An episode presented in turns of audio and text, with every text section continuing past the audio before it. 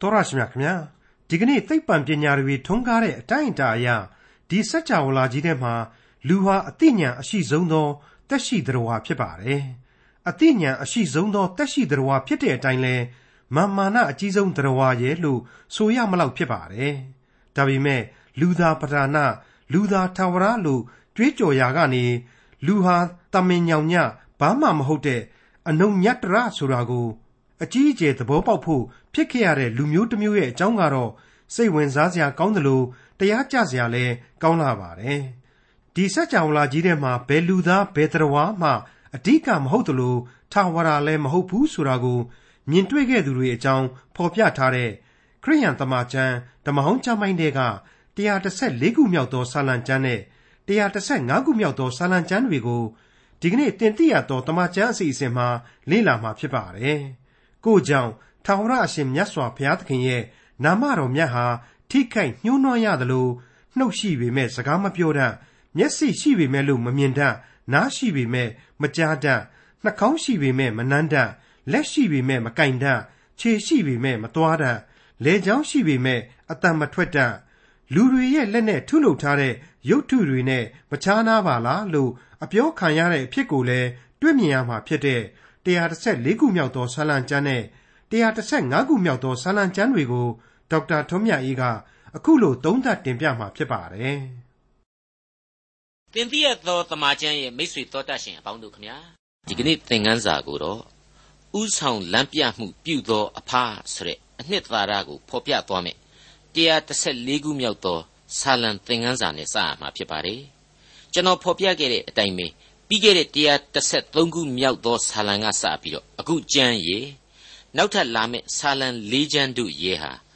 ပွဲတော်ကြီးများမှာဆိုလိရှိကြတဲ့ဆာလံတီချင်းများဖြစ်ပါတယ်။ဣသရေလလူမျိုးတို့ရဲ့ထုံတန်းစင်လာပွဲတော်ကြီးများကိုဆိုလိုခြင်းဖြစ်ပါတယ်။ဘယ်လိုအစီအစဉ်တွေနဲ့ဘယ်နည်းပဲပုံဆိုကြတယ်ဆိုတာနဲ့ပတ်သက်လို့တော့အတိအကျကျွန်တော်တို့မပြောတတ်ပါဘူး။တချို့က103 104နဲ့105ခုမြောက်သောဆာလံတို့ကို ပွဲတော်အစမှတီးဆိုကြပြီးတော့ကြံတဲ့ဆာလံတွေကိုတော့နောက်ပိုင်းမှမှဆိုတယ်လို့ပဲပြောပါတယ်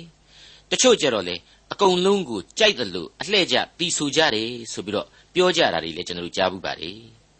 ကျွန်တော်အဖို့ကတော့ဒီကနေ့ကျွန်တော်တို့အသင်းတော်တွေမှာဓမ္မတီးခြင်းတွေကိုဟောကြားတဲ့တရားများပေါ်မှာမူတည်ပြီးတော့သင့်တယ်လို့ရွေးချယ်တီးဆိုတာမျိုးကိုသဘောကျမိပါတယ်အကယ်၍ဓမ္မတေးသံသာများနဲ့ဝတ်ပြုပွဲတက်တက်ဆိုရင်တော့ အကုန်လုံးကိုအလှဲ့ကျတီးဆိုကြမယ်ဂျားထဲမှာမှတရားဆွေးနွေးမှုဟောပြောမှုတွေရှိတယ်ဆိုရင်တော့အစမှတစ်မျိုးအလယ်ပိုင်းမှတစ်မျိုးဏိဂုံးပိုင်းမှတစ်မျိုးတီးဆိုကြရမှာအမှန်ပဲလို့တွေးပါတယ်တနည်းဆိုရရင်တော့အခမ်းအနားတွေနဲ့လိုက်လျောအောင်တေးဂီတအစီအစဉ်တွေကိုချရတယ်ဆိုတဲ့သဘောပါပဲဘာပဲပြောပြောအရေးကြီးတာကတော့ဝိညာဉ်ခွန်အားကိုရယူနိုင်ဖို့ပဲအရေးကြီးပါတယ် တချင်းတပုတ်စီကနေပေးအပ်လာတဲ့ခွန်အားကတော့ပုံစံအမျိုးမျိုးနဲ့ဖြစ်နိုင်ပါတယ်။ဇာပနာဝတ်ပြုပွဲတွေမှာအောက်မေ့ပွဲစီဝေပွဲတွေမှာတီဆိုကြရတဲ့ဓမ္မပြီးချင်းတွေဆိုလို့ရှိရင်ကြေကွဲပွဲအသံတွေကြားကနှစ်သိမ့်ပွဲသောဘုရားသခင်ရဲ့ဂရိတော်သေဆုံးသူတို့ဤဝိညာဉ်များအတွက်ပြင်ဆင်ပေးခြင်းထာဝရအသက်ဆုကျေးဇူးတည်ရှိခြင်းဆိုတဲ့အကြောင်းတွေကိုသိစေနိုင်သလိုအနုမောဒနာပြုတဲ့စီဝေပွဲတွေကြပြန်တော့လေ အရာရာကိုသူဟာကောင်းကြီးပေးတယ်သူပေးတဲ့အဲ့ဒီကောင်းကြီးတွေကိုသူ့အတွက်ပြန်လဲဆက်ကပ်အနှံ့ကြရလိမ့်မယ်ဆိုတဲ့ဝိညာဉ်ရေးသင်ခန်းစာရသတွေကိုပေးနိုင်တဲ့သိချင်းတွေဖြစ်ရမှာဖြစ်ပါတယ်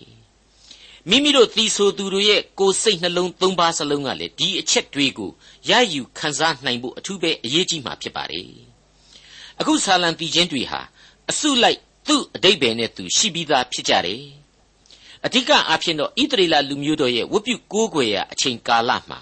ဂုံတော်ကိုချီးမွမ်းရာဟလလလို့ခေါ်တဲ့တေးများကြီးပဲဖြစ်တယ်။ဒီတေးတီချင်းတွေကိုရှင်လန်းဝမ်းမြောက်စွာနဲ့တီဆိုသူတွေဟာတီဆိုကြရမယ်။နားဆင်သူကျွန်တော်ကျမတို့ကလည်းရှင်လန်းဝမ်းမြောက်စွာနဲ့နားဆင်သွားကြရလိမ့်မယ်လို့ကျွန်တော်တွေးမိပါတယ်။အခုဆာလံတီချင်းရဲ့အတိတ်ပဲအနှစ်ချုပ်ဟာဥဆောင်လမ်းပြသောအဖားလို့ကျွန်တော်ကဆိုခဲ့ပြီးပါပြီ။ဟုတ်ပါတယ်။ ပထမဦးဆုံးကျွန်ဘဝသို့မဟုတ်အပြစ်နွန်တွင်းလို့ဆိုနိုင်တဲ့အဲဂုတ်ထုလောင်းရိပ်ကနေအဖခမည်းတော်ရဲ့ဥဆောင်မှုနဲ့လွတ်မြောက်လာခြင်းကိုဏ္ဍန်ပြိုးဖော်ပြလိုက်ပါတယ်။134ခုမြောက်သောဇာလံအငယ်1နဲ့2ဣသရေလအမျိုးယာကုပ်အနွယ်သည်ရိုင်းသောလူမျိုးနေရာအေဂုတ်ထုပြည်ကထွက်သွားသောအခါယူဒအမျိုးသည်တန်ရှင်းရာဌာနတော်ဖြစ်၏ဣသရေလအမျိုးသည်နိုင်ငံတော်ဖြစ်၏ တခုမှမငြင်းနိုင်တဲ့အရာတွေအတိအကျဖြစ်ပေါ်လာတဲ့အရာတွေကြီးပါပဲအာဗြဟံဆိုတဲ့ခြေသလုံးအိမ်တိုင်ဖြစ်တဲ့သူရှုရီလူမျိုးဖြစ်တဲ့သူခါလဒဲသားဖြစ်တဲ့သူဣသရေလဆိုတာကိုအိမ်မက်တောင်မှမမက်ဖူးသေးတဲ့သူကြီးကိုမင်းကိုငါကောင်းကြီးပေးမယ်ဟေမင်းအမျိုးကိုငါကောင်းကြီးပေးမယ်မင်းအားဖြင့်လောကသားအလုံးကိုလည်းကောင်းကြီးပေးမယ်ဆိုတဲ့ဂရိတော်တွေပေးခဲ့တဲ့ပုံပြီးတဲ့နောက်မင်းရဲ့အမျိုးတွေဟာ အေဂုတ်တုပြည်မှာနှစ်400ကျွန်ခံရလိမ့်မယ်ပြီးတဲ့နောက်မှာမှလူမျိုးတော်အဖြစ်နဲ့ကျွန်ဘဝကနေလွတ်မြောက်ပြီးတော့နို့နဲ့ပြားရည်စီးတဲ့ခါနန်ပြည်ကိုငါဟာဆက်ပြီးတော့အမွေခံခွင့်ပေးအောင်မယ်ဆိုတဲ့ပရိညင်များချထားပေးခဲ့ဘုံတွေဟာအခုဆာလံတီချင်းအားဖြင့်ကျွန်တော်အတွက်အသစ်ပြန်လဲပြီးတော့အောက်မေ့လာစေတဲ့အချက်တွေပါပဲယုဒအမျိုးသည်တန်ရှင်းရာဌာနတော်ဣသရေလအမျိုးသည်နိုင်ငံတော်တဲ့ အမှန်စင်စစ်ဘုရားသခင်ရဲ့အဓိကအချက်အချာလူမျိုးတော်ဖြစ်ခဲ့ပြီဆိုတဲ့အချက်ဟာအရေးအကြီးဆုံးအချက်ပါဒါဟာဘာမှတော့မဆမ်းပါဘူးငါဟာမင်းတို့ကိုရွေးကောက်သောယစ်ပရောဟိတ်မျိုးဖြစ်စေမယ်ဆိုပြီးတော့ဘုရားသခင်ဆိုခဲ့ဘူးပါတယ်ဘုရားသခင်ကအဲ့ဒီလိုရွေးကောက်သောလူမျိုးယစ်ပရောဟိတ်မျိုးဖြစ်စေရမယ်လို့ဆိုလိုက်တာ ਨੇ ပဲအကုန်လုံးသောဣတရီလာကြီးတွေဟာအဝတ်ဖြူကြီးတွေအသီးသီးဝတ်ပြီးတော့ကဘာတလွှားမှာလိုက်ပြီးတော့လိုက်ရလိုက်ရတရားဟောနေတာ အသင်းတော်တွေမှာဥဆောင်နေတာရဲ့လို့မရှိပါဘူးဒါပေမဲ့နှုတ်ကပတ်တော်ကိုယုံကြည်တဲ့လူတိုင်းအဖို့ဒီလူမျိုးတော်ရဲ့အရေးအကဲကိုအမြဲကြည့်နေရပါတယ်ဒီလူမျိုးတော်ရဲ့သမိုင်းဟာဓမ္မသမိုင်းနဲ့ယုံကြည်သောဘာသာရေးတရားတို့ဤသမိုင်းကြီးဖြစ်နေရတယ်ဆိုတာကိုဘယ်သူမှညင်းနိုင်မှာမထင်ပါဘူးဒါကြောင့်မလို့ဣသရေလဟာယေပရောဟိတ်အမျိုးလို့တစ်ဖက်ကပြောနိုင်တယ်ပြီးတော့ပို့ပြီးတော့ပြည့်စုံမှာကတော့ကောင်းကင်နိုင်ငံတော်ကိုမြေပေါ်မှာခရစ်တော်တည်ထောင်ခြင်းမှာတော့ အမှန်တကယ်ပဲကာယကံမြောက်လက်တွေ့ကြတဲ့ယေပရောဟိတ်များအဖြစ်ဣသရေလလူမျိုးတော်တို့ဟာတာဝန်ယူသွားကြရလိမ့်မယ်လို့ကျွန်တော်ဆိုချင်ပါတယ်အငယ်3မှ6ပင်လေသည်မြင်၍ပြေးလေ၏ယော်ဒန်မြစ်လည်းအနောက်သို့လှည့်လေ၏တောင်ကြီးတို့သည်သိုးကဲ့သို့၎င်းတောင်ငယ်တို့သည်သိုးတငယ်ကဲ့သို့၎င်းခုန်ကြ၏အချင်းပင်လေသင်ပြေးသည့်အကြောင်းအချင်းယော်ဒန်မြစ်သင်သည်အနောက်သို့လှည့်သည့်အကြောင်းအချင်းတောင်ကြီးတို့ သင်တို့သည်သိုးကဲ့သို့ခုန်ကြသည့်အကြောင်းအချင်းတောင်ငယ်တို့သင်တို့သည်သိုးတငယ်ကဲ့သို့ခုန်ကြသည့်အကြောင်းကအဘယ်သို့နည်းပင်လေကြီးကဖနှက်စီးပြီးထွက်ပြေးတာကိုပြောတာမဟုတ်ပါဘူးနော်ဘုရားသခင်ရဲ့ဘုန်းတော်နဲ့ပင်လေရေတွေဟာကြောက်နေရန်ကြီးတွေလိုရပ်တန့်ပြီးတော့ပင်လေအလဲမှာမင်းလမ်းမကြီးခင်းလိုက်တယ်လို့လမ်းကြီးဖြစ်သွားရတာကိုဆိုလိုပါတယ်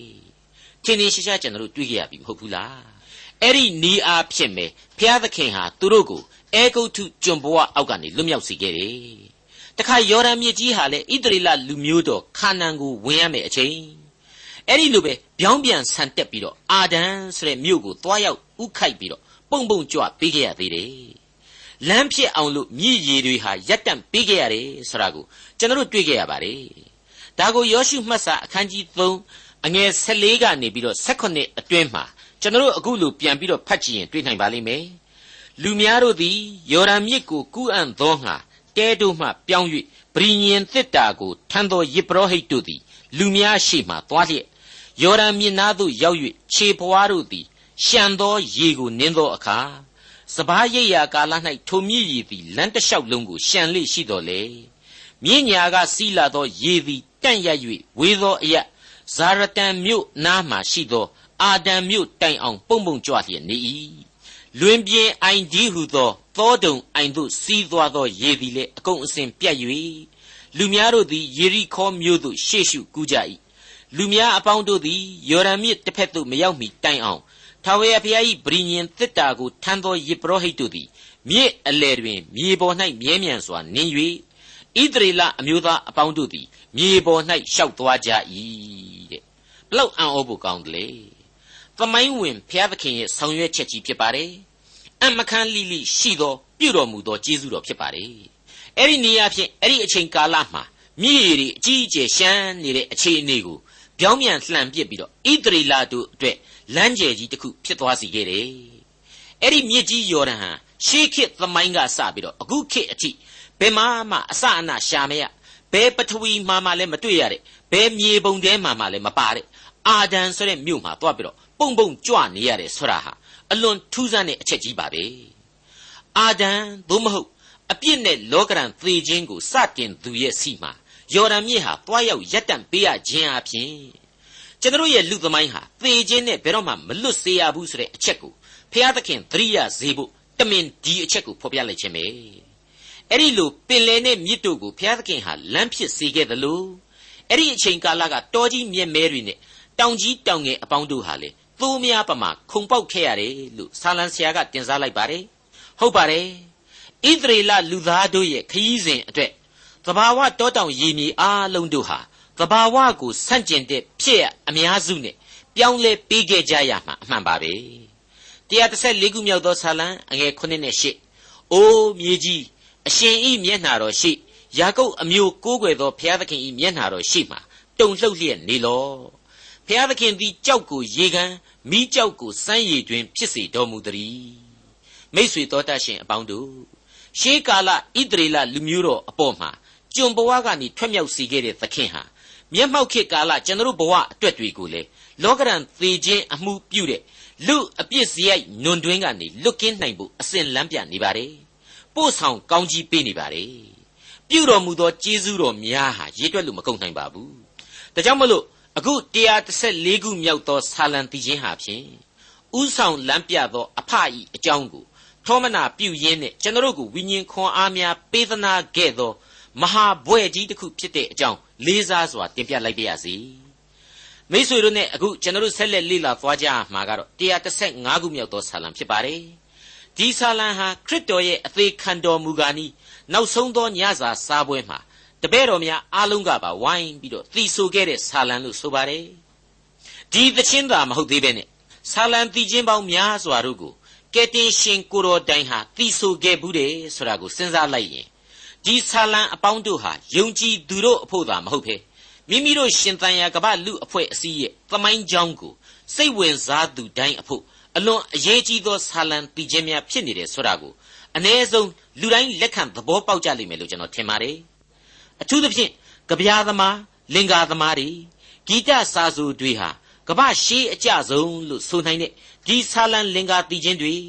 ယောဘဝတ္ထုနဲ့ရှောလမုန်တည်ခြင်းစတဲ့လင်္ကာရသကျမ်းအဆူဆူတို့ကိုနည်းနည်းနည်းနည်းလေ့လာသင်လာတယ်လို့ကျွန်တော်ဒီနေရာမှာအကြံပြုချင်ပါတယ်ဒီဆာလံတေးတည်ခြင်းကိုဘသူရေးသလဲဆိုတာကိုအတိအကျမသိရဘူးလို့ဆိုပါတယ်ဒါပေမဲ့ဒါဝိဒ်ခေတ်မဟုတ် ဒါဝိဒ်ခေတ်ရဲ့နောက်ပိုင်းအတန်ကြာချိန်မှာဆက်ဆူခဲ့တဲ့လက္ခဏာရှိပါတယ်အထူးသဖြင့်မင်းဆက်တို့ပြက်သုံးဘာဘူးလုံနိုင်ငံမှာကျွန်ဘဝလုံလုံဖြစ်ရပြီးတဲ့နောက်အဲ့ဒီကျွန်ဘဝကမှတခါလွတ်မြောက်လာပြီးလာချိန်မှာနှောင်းခေတ်စာဆိုတော်တူးဦးကနေပြီးတော့ကျေးဇူးတော်ချီးမွမ်းခြင်းဆာလံတေးအဖြစ်ဆက်ဆူလိုက်တယ်လို့အများကသဘောထားကြပါတယ်ဒီဆာလံဟာပြိဿတ်ရဲ့လေဝိအမျိုးအနွယ်ယစ်ပရောဟိတ်တို့ရဲ့နဲ့ နောက်ဆုံးမှာပြိဿတ်အားလုံးတံပြိုင်တေးအဖြစ်သီဆိုရသောဆာလံဖြစ်တယ်လို့အဆိုရှိပါတယ်135ခုမြောက်သောဆာလံအငယ်1မှစတင်နားဆင်ကြည့်ကြပါစို့အကျွန်ုပ်တို့၌ဘုံမရှိစေပဲအိုးထာဝရဖေဟာအကျွန်ုပ်တို့၌ဘုံမရှိစေပဲကိုတော်ဤနာမ၌ဂယုနာတော်နှင့်တစ္ဆာတော်ကြောင့်ဘုံရှိပါစေတည်းမာမာနတွေယူပြစ်လောက်အောင်ကြာဆင်းသွားရတဲ့အသံပဲ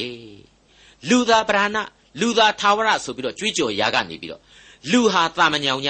ဘာမှမဟုတ်တဲ့အနုံညာတာဆိုတာကိုဣတရီလာတို့သဘောပေါက်သွားပြီဟုတ်တယ်ဒီဆာလံမှာအဲ့ဒီအချက်ကိုဖော်ပြနေတယ်အကျွန်ုပ်တို့၌ဘုံမရှိစေပဲအိုးထာဝရဖေဟာအကျွန်ုပ်တို့၌ဘုံမရှိစေပဲကိုတော်ဤနာမတော်၌သာလျှင်ဘုံရှိပါစေတဲ့ဟုတ်ပါတယ်လူအချင်းချင်းရဲ့ကြားမှာကတော့တမျိုးပေါ့ ဒုနေရာဒုတော်နေရာတော်ဆိုလို့အဆင့်အတန်းတွေအမျိုးမျိုးခွဲခြားရလိမ့်မယ်ရှိဖို့လဲလိုအပ်လိမ့်မယ်ဒါပေမဲ့ဖျားသခင်ကိုကိုးကွယ်တဲ့နေရာမှာကတော့တမျိုးဖြစ်သွားပြီ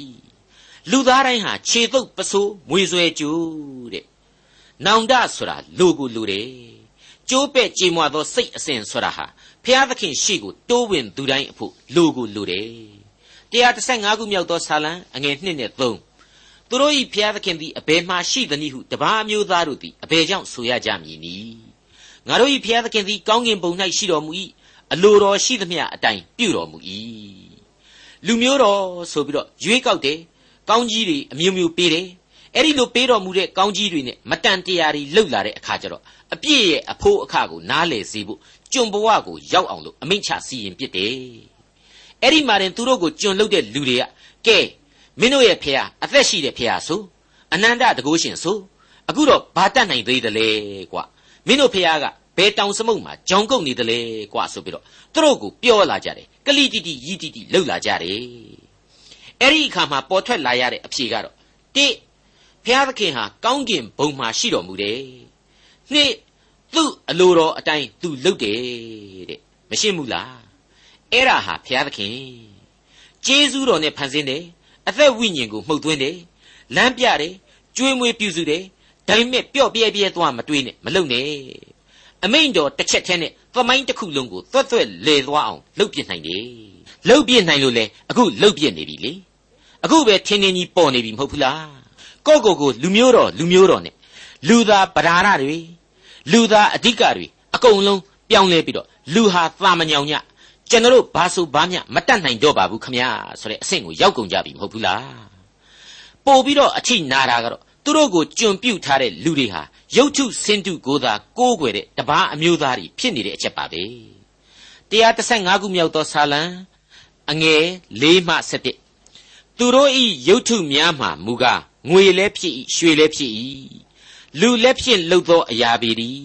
ထိုရုပ်ထုတို့သည်နှုတ်ရှိ၍စကားမပြောတတ် မျက်စိရှိ၍မမြင်တတ်နားရှိ၍မကြားတတ်နှာခေါင်းရှိ၍မနှမ်းတတ်လက်ရှိ၍မကင်တတ်ခြေရှိ၍မသွားတတ်သူတို့သည်လေချောင်းဖြင့်အသံမပြုတ်တတ်ပါတကားလှုပ်သောသူတို့လည်းအတူတူကိုးစားသောသူအပေါင်းတို့လည်းအတူတူပါတကားအိုးဣသရေလအမျိုးထာဝရဘုရားကိုကိုးစားလော့ထာဝရဘုရားသည်ဣသရေလအမျိုးကိုမဆာသောသူကွယ်ကာသောသူဖြစ်တော်မူ၏အိုးအာယုံအမျိုးအနွယ် ထာဝရဘုရားကိုကိုးစားလော့ထာဝရဘုရားသည်အာယုံအမျိုးအနွယ်ကိုမဆာသောသူကွယ်ကာသောသူဖြစ်တော်မူ၏ထာဝရဘုရားကိုကြောက်ရွံ့သောသူတို့ထိုဘုရားကိုကိုးစားကြလော့ထာဝရဘုရားသည်ထိုသို့သောသူတို့ကိုမဆသောသူကွယ်ကာသောသူဖြစ်တော်မူ၏။ gain လူဤဘဝဆရာဟာအတိတ်သင်ခန်းစာအတိုင်းရုပ်ပိုင်းဆိုင်ရာကန္တအနေနဲ့နားမလည်နိုင်စရာတွေအများကြီးရှိတယ်ဆိုတာကိုမြင်ကြရပြီမဟုတ်ဘူးလား ဖျားသခင်ကိုမကိုးကွယ်တိုင်းမကြည်ပွားဘူးလို့သွားမထင်နဲ့အခုဆိုရင်ဖျားသခင်ဆိုတာကိုအရှင်းမယုံတဲ့နတ်သမားတွေကနေပြီးတော့ဖျားသခင်ယုံကြည်သူလူသားတွေကိုကျွန်လုတ်ထားပြီးတော့မင်းတို့ဖျားသခင်ဘယ်မလဲကွာဆိုပြီးတော့ကလိတာရိတာစော်ကားတာကိုခံနေကြရပြီအဲ့ဒါဟာစောစောကတင်ကျွန်တော်တို့ကြားခဲ့ရတဲ့အတိုင်းအလိုတော်ရှိသမျှအတိုင်းပြုတော်မူခြင်းပဲရှင်းပါတယ်နော်မိษွေတို့ဒီဆာလံတီချင်းတွေမှာ ဘုရားသခင်ကိုဟာလေလုယာဆိုပြီးတော့ချီးမွမ်းတာရဲ့ဘုရားသခင်ကိုအပုတ်ချအပြစ်တင်တာရဲ့လမ်းနှစ်သွယ်ကိုတွေ့ရပါတယ်ကျွန်တော်မေးချင်ပါတယ်ဘုရားသခင်ကိုချီးမွမ်းလို့ဘုရားသခင်ဘာဖြစ်သွားနိုင်သလဲဘုရားသခင်ကိုစော်ကားလို့ကောဘုရားသခင်ဘာဖြစ်သွားနိုင်သလဲအဲ့ဒီမေကွန်းနှစ်ခုကိုကျွန်တော်မေးချင်ပါတယ်ဘုရားသခင်မှာဘာတစ်ခုမှမဖြစ်ဘူး ဖြစ်တာကလူတွေမှာသာတစ်ခုပြီးတစ်ခုဖြစ်နိုင်တယ်ဆိုတာကိုကျွန်တော်အလေးအနက်သိထားကြရပါလိမ့်မယ်အခုကျွန်ပြုသူနိုင်ငံကြီးတွေကနတ်ဖျားတွေအကြောင်းကိုလေ့လာလိုက်ချိန်မှာတော့ဘုရားသခင်ဟာလူသားကိုဖန်ဆင်းခြင်းမဟုတ်ဘဲနဲ့လူသားကသာဖျားများကိုဖန်ဆင်းခြင်းဆိုတာကိုတွေ့လာရပါတယ်ဒီအချက်ကိုပဲဟေရှာယအနာဂတိကျမ်းမှာလူအဖွဲ့အစည်းအတွင်းကအစွဲအလန်းတွေဖျားကိုလူကဖန်ဆင်းခြင်းအကြောင်းတွေကိုဖော်ပြထားတာရှိပါသေးတယ် ဟေရှာယနဂတိကျမ်းအခန်းကြီး44အငယ်7မှ18အတွင်းကိုပြန်ပြီးကြည့်ကြပါပပဲသမားသည်ပစိန်ကိုလှုပ်ချင်းဟာမိခဲ၌ဖုတ်၍လက်ယုံအားထုတ်လျက်တန်တူနှင့်ထုတတ်၏အကယ်၍မွတ်သိပ်သောအခါအားလျော့တတ်၏ရေမတော့ရသောအခါမောတတ်၏လက်သမားသည်မြင်းချလျက်စူးနှင့်မှတ်သား၍လက်သမားတစားနှင့်လှုပ်ပြီးလျင် အိမ်၌နေစေခြင်းဟာကွန်ပါနှင့်ရေးသား၍လူအသရေပါအောင်လူပုံတရံနှင့်အညီထုတ်လုပ်တတ်၏ကိုအဖို့အလွန်ငှာအာရစ်ပင်တို့ကိုခုတ်၍ကုပရုပင်သပိတ်ပင်တို့ကိုရွေးယူသဖြင့်တောပင်အမျိုးမျိုးတို့ကိုစီးပူတတ်၏အာရင်ပင်ကိုစိုက်၍မိုးရီလည်းမွေးတတ်၏လူသုံးရန်ထင်းဖြစ်၏လူလည်းယူ၍မိလုံတတ်၏တဖန်မီးမွှေး၍မုံကိုပေါင်းတတ်၏တဖန်ဖျားကိုလှုပ်၍ကိုးကွယ်တတ်၏ ရုတ်ထုကိုထုလုပ်၍ရုတ်ထုရှိမှပြတ်ဝတ်တတ်၏ထိုတစ်သားတစ်ပိုင်းနှင့်မိမွေတတ်၏တစ်ပိုင်းနှင့်အမဲသားကိုချက်၍စားရ၏ဖုတ်ကင်ပြီးမှဝစွာစားရ၏တဖန်မီးလုံ၍အဲငါနှွေးပြီမိကိုတွေ့ပြီဟုဆိုတတ်၏ကြံသောအပိုင်းကိုလည်းယူ၍ရုတ်တုဒီဟုသောဖျားကိုလှုပ်တတ်၏ထိုရုတ်တုရှိမှပြတ်ဝတ်၍ကိုးကွယ်တတ်၏ကိုတော်သည်အကျွန်ုပ်၏ဖျားဖြစ်တော်မူ၏ အကျွန်ုပ်ကိုကယ်တင်တော်မူပါဟု၍ဆုတောင်းတတ်၏မိတ်ဆွေတော်တတ်ရှင်အပေါင်းတို့ခမညာမိုးတိမ်တိုင်အားဖြင့်လမ်းပြတော်မူခဲ့တဲ့ကျေးဇူးတော်မိခတ်လို့ရတဲ့ကြောက်တောင်ကနေပြီးတော့သက်ဆန်းရည်ကိုတိုက်ကြွေးခဲ့တဲ့ကျေးဇူးတော်တို့ကိုမထီမဲ့မြင်ပြုတ်ခဲ့သူလူသားတို့ဟာအရှင်အသက်ကင်းမဲ့တဲ့နတ်ရုပ်တွေကိုငေ့ကြည့်ရင်မိမိတို့ရဲ့အပြစ်တွေကိုပြန်လဲသတိရလာကြပြီလို့ကျွန်တော်အတိတ်ပဲဖွင့်ဆိုပြရစီဟုတ်ပါတယ် ရုတ်ထုစင်တုကိုကိုးကွယ်တဲ့တိုင်းပြည်မှာကျွန်ဖြစ်နေရတဲ့ယုံကြည်သူတွေအခုအချိန်ကျမှအသက်ရှင်တော်မူသောဘုရားသခင်ကိုပြန်လဲတန်တမိကြပြီ135ခုမြောက်သောဆာလံအငယ်7မှအဆုံးအထိထာဝရဘုရားသည်ငါတို့ကိုအောက်မေ့တော်မူ၏ကောင်းကြီးပေးတော်မူမည်ဣသရေလအမျိုးကိုကောင်းကြီးပေးတော်မူမည်အာယုံအမျိုးအနွယ်ကိုကောင်းကြီးပေးတော်မူမည်ထာဝရဘုရားကိုကြောက်ရွံ့သောသူအကြီးအငယ်တို့ကိုကောင်းကြီးပေးတော်မူမည် ထာဝရဘုရားသည်သင်တို့နှင့်သင်တို့သားမီးတို့၌မင်္ဂလာကိုတိုးပွားစေတော်မူမည်သင်တို့သည်ကောင်းကင်နှင့်မြေကြီးကိုဖန်ဆင်းတော်မူသောထာဝရဘုရားကောင်းကြီးပေးတော်မူသောသူဖြစ်ကြ၏ကောင်းကင်ကထာဝရဘုရား၏ကောင်းကင်ဖြစ်၏မြေကြီးကိုကလူသားတို့အားပေးတော်မူပြီသေလွန်သောသူငိမ့်ရာတဲသို့ဆင်းသောသူရှိသမျှတို့သည်ထာဝရဘုရားကိုမချီးမွမ်းရကြငါတို့မူကားထာဝရဘုရားကိုယခုမှစ၍အစဉ်အဆက် ကောင်းကြီးပေးကြလေအံ့သတည်းဟာလေလုယာကဲတင်ချင်းကျေးဇူးတော်ဆရာဟာလူတယောက်ချင်းနဲ့ဆိုင်ပါတယ်ယုံကြည်ခြင်းတရားကိုလူသားဟာတယောက်ချင်းစောင့်ရှောက်ရမယ်ဆရာဟာအမှန်ဖြစ်ပါတယ်ဒါပေမဲ့ဘုရားသခင်ကသူ့ရဲ့ကျေးဇူးတော်ရဲ့အတိုင်းအတာကိုအလွန်နဲ့ဆိုင်ကျယ်ပြန့်ကြောင်းအကြိမ်ကြိမ်ကျွန်တော်တို့ကိုဖော်ပြသွားပြီးဖြစ်ပါတယ်ဥပမာအားဖြင့်တမန်တော်ဝတ္ထုအခန်းကြီး16အငယ်31မှာဆိုရင်ဖိလိပ္ပိမြို့ကထောင်မှာ ထောင်မှုကိုတမန်တော်တို့ကပြောခဲ့တဲ့စကားနဲ့ရှင်ပြီးတော့ကြည်နိုင်ပါလိမ့်မယ်ယေရှုခရစ်ကိုယုံကြည်လော့ယုံကြည်လျင်သင်နှင့်သင်၏အိမ်သူအိမ်သားတို့သည်ကယ်တင်ခြင်းသို့ရောက်ကြလိမ့်မည်တဲ့အဲ့ဒီတော့တယောက်သောသူရဲ့ယုံကြည်ခြင်းဟာများစွာသောကျေးဇူးတော်ကိုဖြစ်စေနိုင်တယ်ဆိုတဲ့သဘောကိုကျွန်တော်အလေးအနက်တွေ့လာရပါတယ်အခုဒီဆာလံတီချင်းဟာဒီအချက်ကိုထပ်မံအတီးပြုတ်နေတယ်လို့ပဲဗျာဒိတ်ပြုတ်နေတယ်လို့ပဲလို့ကျွန်တော်ခံယူပါတယ် ထာဝရဘုရားဟာငါတို့အားလုံးကိုကောင်းကြီးပေးမယ်အောက်မေ့တော်မူမယ်သင်တို့ဤသားမြေတို့ကိုလည်းမင်္ဂလာနှင့်တိုးပွားစေမယ်တဲ့တကောတော်အနန္တညံတော်အနန္တဆိုတာဟာအဲ့ဒါပါပဲလူသားအနေနဲ့တုပလို့မမိနိုင်ပါဘူးတွေးဆလို့လည်းမမိနိုင်ပါဘူးကြံစီလို့လည်းအဖြေမပေါ်နိုင်ပါဘူးဒီဘုရားသခင်ကိုယိုသေးဖို့ကြောက်ရွံ့ဖို့နဲ့ကိုးကွယ်ဥညွတ်ဖို့သာလျှင်အဓိကအရေးအကြီးဆုံးဖြစ်ပါတယ်ကောင်းကင်က ထာဝရဘုရား၏ကောင်းကင်ဖြစ်၏မြေကြီးကိုကလူသားတို့အားပေးတော်မူပြီဆိုတဲ့အချက်ဟာအလွန်အလွန်စိတ်ဝင်စားစရာကောင်းလာပါတယ်စိတ်လှုပ်ရှားစရာလည်းအလွန်ကောင်းတယ်လို့ကျွန်တော်ခံယူပါတယ်ကျွန်တော်သိပ္ပံပညာကိုသင်ကြတဲ့အချိန်မှာနိုက်ထရိုဂျင်သံတရားကာဗွန်သံတရားစတဲ့သိပ္ပံအခြေခံသဘောတရားတွေကိုသင်ကြားခဲ့ကြရပါတယ်သဘောကတော့လူနဲ့တိရစ္ဆာန်များရဲ့ရုပ်ခသစ်ပင်လောကတို့ရဲ့ဟာအဲ့ဒီသံတရားနီးအဖြစ်အ ပြန်အလှန်အကျိုးပြုပေးနေကြရတယ်အဲ့ဒီနီးအဖြစ်လဲကဘာကြီးဟာကျွန်းကိုင်းမီကိုင်းကျွန်းမီဆိုသလိုအပြန်အလှန်တိဆောက်ပေးရင်းနဲ့လောကသားတို့ဟာမြဲမြံနေကြရတယ်သက်ရှိသက်မဲ့တို့ဟာတစ်ခုနဲ့တစ်ခုအားပြိုင်ဆက်ဆံနေကြရတယ်ဆိုရယ်သိပ္ပံရဲ့သဘောဖြစ်ပါတယ်ဘလောက်အံ့ဩဖို့ကောင်းတယ်လေမိတ်ဆွေအပေါင်းတို့အခုနှုတ်ကပတ်တော်ကနေပြီးတော့မြေကြီးကိုကလူသားကိုပေးတော်မူပြီဆိုတာဟာအဲ့ဒီမြေကြီးကနေပဲလူဖြစ်စေ အဲ့ဒီမြေကြီးမှာပဲရှင်သန်နေထိုင်စေပေါက်ဖွားတိုးတက်စေအချိန်တန်တော့ဒီမြေကြီးမှာပဲသေစေဆိုတဲ့သဘာဝတရားထဲမှာလူသားကိုချထားပေးခြင်းဆိုတာဟာဘူးပေါ်တယ်လို့ပေါ်နေပြီမဟုတ်ဘူးလားလဲပြင်းမှာဆင်သွားတယ်လို့ထင်ရှားနေပြီမဟုတ်ဘူးလားအဲ့ဒီလိုဘုရားသခင်ကတရားဝင်ပေးသနာထားတဲ့မြေကြီးကနေပြီးတော့လူသားတို့ကသူတို့မပိုင်တဲ့ကောင်းကင်ဘုံကိုတက်ချင်တယ်လပေါ်မှာခြေချခြင်းနေဆိုတော့လေဘုရားသခင်ဟာခွင့်ပြုခဲ့ပြန်တာပါပဲ လောကကြီးရှိလို့လောကရတ်ဆိုတာဟာရှိလာတယ်လीအဲ့ဒီလောကရတ်ကိုလေရှာဖွေကျင့်သုံးဖို့သိပ္ပံအတတ်ပညာကိုဘုရားသခင်ခွင့်ပြုပေးခြင်းဟာကျေးဇူးတော်တက်တက်ပဲဖြစ်ပါတယ်ဒီနေရာမှာကျွန်တော်ကကောရိန္သုဩဝါဒစာပထမစာဆောင်အခန်းကြီး73အစပိုင်းကအချက်ကလေးတစ်ခုကိုအလေးအနက်ပြုတ်ပြီးတော့ပြန်လဲဖတ်ရှုပြခြင်းပါတယ်ငါသည်လူဘာသာစကားကို၎င်းကောင်းကင်တမန်ဘာသာစကားကို၎င်းပြောနိုင်တော်လေမေတ္တာမရှိလျင်အသံမြည်သောတဘိုးခေယာကဲ့သို့၎င်း တီးတံကိုသာပေးတတ်သောလင်းကွင်းကဲ့သို့၎င်းဖြစ်၏ပရောဖက်ညံကိုငါရ၍နက်နဲသောအရာရှိသမျှတို့နှင့်သိပ္ပံအတတ်အမျိုးမျိုးကိုတတ်တော်၎င်းတောင်များကိုရွှေ့နိုင်သောယုံကြည်ခြင်းအမျိုးမျိုးနှင့်ပြည့်စုံတော်၎င်းမေတ္တာမရှိလျင်အချီးနှီးသက်သက်ဖြစ်၏တဲ့ချစ်ချင်းမေတ္တာဆိုတာဟာဘုရားသခင်ကလာပါတယ်ဘုရားသခင်မပါဝင်တဲ့အတတ်ပညာ အစွန်းတကူအရေးအချင်းတွေဟာအချီးနှီးပဲဖြစ်တယ်ဆိုတာကိုကောရိန္သုဩဝါဒစာဟာကျွန်တော်တို့ကိုသွန်သင်ပေးလိုက်ပါတယ်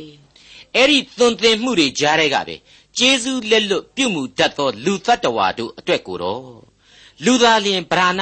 လူသားလျင်အဓိကဆိုတဲ့စိတ်ဓာတ်တွေကိုခွာချပြီးတဲ့နောက်သာဝရအသက်လမ်းကိုရှာဖွေစေလိုတဲ့ဘုရားသခင်ရဲ့အကြောင်းကိုတော့ဒီဆာလံတီခြင်းအဖြစ်ကျွန်တော်သိခွင့်ရခဲ့ပါပြီ အဲ့ဒီလိုသွန်သင်ပေးတော်မူသောကျေးဇူးတော်ကြောင့်ဘင်းလျင်ဟာလေလုယာဆိုပြီးတော့ကျေးဇူးတော်ကိုထောမနာပြုကြပါစို့ဒေါက်တာထွန်းမြတ်ရေးစီစဉ်တင်ဆက်တဲ့တင်ပြရတော်တမချန်းအစီအစဉ်ဖြစ်ပါတယ်နောက်တစ်ချိန်အစီအစဉ်မှာခရိယန်တမချန်းဓမ္မဟောင်းကျမ်းပိုင်းမှာပါရှိတဲ့136ခုမြောက်သောစာလံကျမ်းကိုလေ့လာမှဖြစ်တဲ့အတွက်စောင့်မျှော်နားဆင်နိုင်ပါတယ်။